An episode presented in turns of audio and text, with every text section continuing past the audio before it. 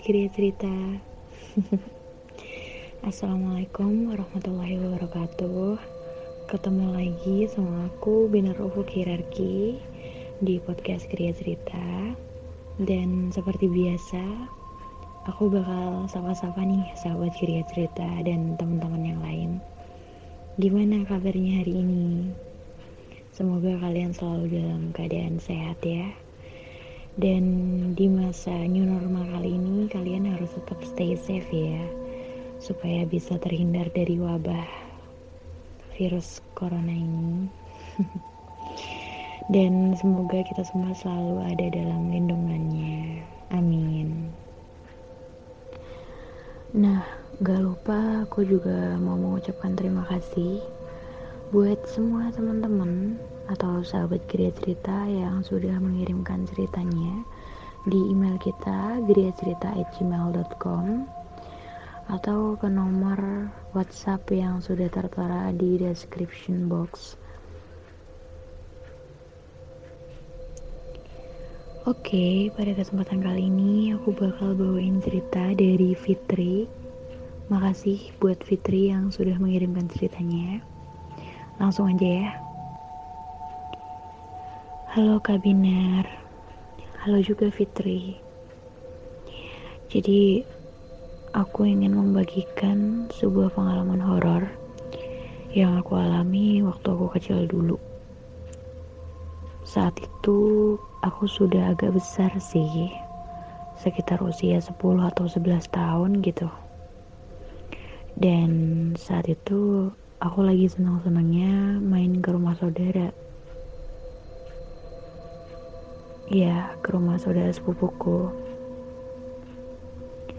Karena di rumah sepupuku, aku banyak teman. Sedangkan di rumahku sendiri, aku selalu merasa kesepian.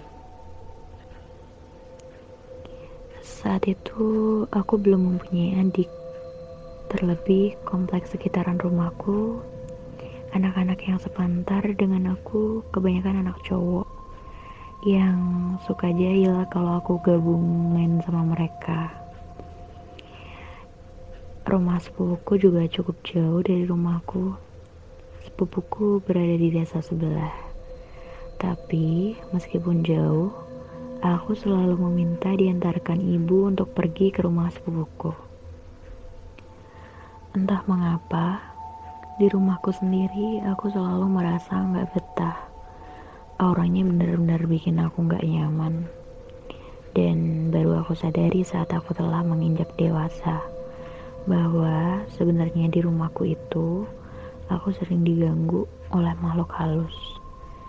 Hanya waktu itu aku masih terlalu kecil untuk memahami bahwa sebenarnya aku sering diganggu mereka yang tak kasat oleh mata gangguan mistis yang aku masih ingat sampai sekarang yaitu gangguan dari hantu nenek-nenek bersayap yang sering mendatangi aku lewat mimpi. Iya, aku sering didatangi seorang nenek-nenek bersayap yang aku rasa sosok itu menempati kamar mandi rumahku. Karena kebetulan kamar mandi rumahku berada di luar rumah dan waktu itu kami masih pakai sumur yang airnya harus ditimba dulu kalau kami mau mandi. Sumur itu cukup dalam, mungkin dalamnya sekitar 12 meter. Dan aku dengar cerita bapakku, katanya bapak juga pernah mengalami kejadian horor di sumur itu. Nah, jadi waktu itu bapak kebelet pengen buang air di tengah malam dan karena bapak lagi gak enak perut, jadi bapak langsung buru-buru menimba air untuk membersihkan diri setelah buang hajat. Timbaan yang pertama, oke, okay, bapak nggak mengalami apa pun. Timbaan yang kedua juga masih aman. Nah, saat timbaan yang ketiga itulah bapak merasakan air itu sangat berat ditarik ke atas. Iya, seperti ada yang tersangkut di bawah sana. Bapak terus menarik air itu ke atas Dan saat air itu berhasil Bapak tarik ke atas, ternyata yang berada di dalam ember itu bukan air, tapi kepala nenek-nenek yang berambut sangat panjang. Saat itu Bapak langsung membuang ember berisi kepala itu ke dalam sumur dan Bapak langsung berlari kembali ke dalam rumah. Hasrat ingin buang hajat langsung lenyap seketika. Nah, jadi tadi itu cerita yang Bapak alami. Sekarang cerita yang kedua itu aku alami sendiri jadi waktu itu aku lagi main masak-masakan gitu sendirian di halaman belakang rumah. Saat itu di kamar mandi aku mendengar seperti ada orang yang lagi mandi. Aku pikir itu ibu atau bapak yang lagi di kamar mandi. Dan saat itu aku berniat untuk cuci tangan Aku tungguin orang yang di kamar mandi itu ternyata sangat lama.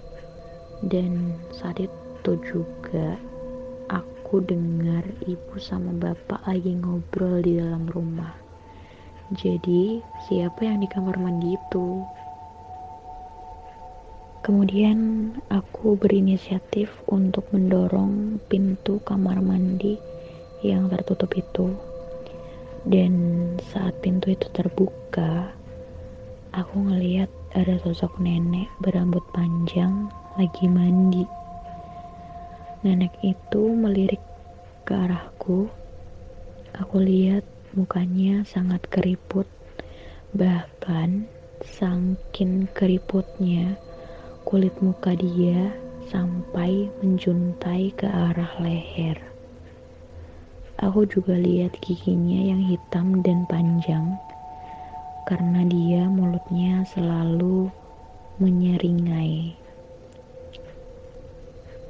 Karena aku waktu itu masih kecil, jadi aku pikir itu mbah yang lagi numpang mandi. Sama sekali gak ada rasa takut sedikit pun karena saat itu aku belum tahu tentang hantu. Makanya sosok nenek-nenek itu mendatangi aku di dalam mimpi. Dia menggedor-gedor pintu dapur dan saat aku buka, nenek itu langsung terbang sambil tertawa. Saat itulah aku baru tahu ternyata nenek itu mempunyai sayap. Sebenarnya masih banyak cerita dari teror nenek-nenek itu. Tapi mungkin aku ceritain lain waktu aja. Thanks ya buat Kak Binar yang udah membacakan ceritaku. Sama-sama Fitri. Jadi ceritanya lumayan ngeri ya. Tapi itu sih yang paling ngeri sih waktu bapaknya nimba air. Gila sih itu, parah. Iya coba aja kalau misalkan aku di posisi bapaknya si Fitri ini. Aku lagi pengen boker nih misal. Malam-malam kamar mandinya di luar. Udah kayak gitu Kita harus nimba air dulu di sumur. Dan sekalinya nimba. Itu tuh yang nongol tuh bukannya air Tapi malah kepala dan kepalanya itu tuh kepala makhluk yang seperti itu gitu loh. Nggak bisa dibayangin sih. Nggak bisa dibayangin sih aku kalau misalkan ada di posisi itu. Ah gila-gila. Parah. Serem banget sih. Apalagi kan ibarat kalau itu kepala nih di dalam ember itu posisi mukanya dia tuh ngadep ke mukanya kita kan. Kayak ibarat tatap-tatapan gitu gak sih? Kayak kalau tatap-tatapan sama doi mah gak apa-apa ya gak sih? Ini tatap-tatapan sama aduh pusing deh. Kalau jatuh cinta pada pandangan pertama mah nggak apa-apa ya. Kalau ini jatuh apa dong jadinya? Gila sih parah. Parah banget ini bapaknya. Eh bukan bukan bapaknya sih maksudnya kejadian yang menimpa bapaknya Fitri. Itu parah banget sih. Tapi kejadian yang menimpa Fitri juga kayak ibarat ya mungkin Fitri masih kecil sih ya pada waktu itu. Jadi dia belum tahu mana yang manusia mana yang aduh gila sih itu dua-duanya tuh bener-bener bikin aduh merinding merinding merinding. Nah cukup sekian cerita di episode kali ini. Dan aku nggak bosan-bosannya buat ngingetin semua sahabat Gria Cerita untuk subscribe Gria Cerita channel like dan komen.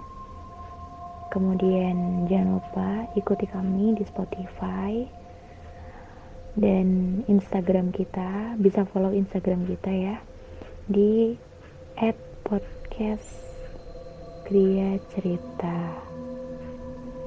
Dan jangan lupa kirim cerita kalian di email Gria Cerita dan nomor WhatsApp yang sudah tertera di description box. Oke? Okay? Makasih dan sampai jumpa.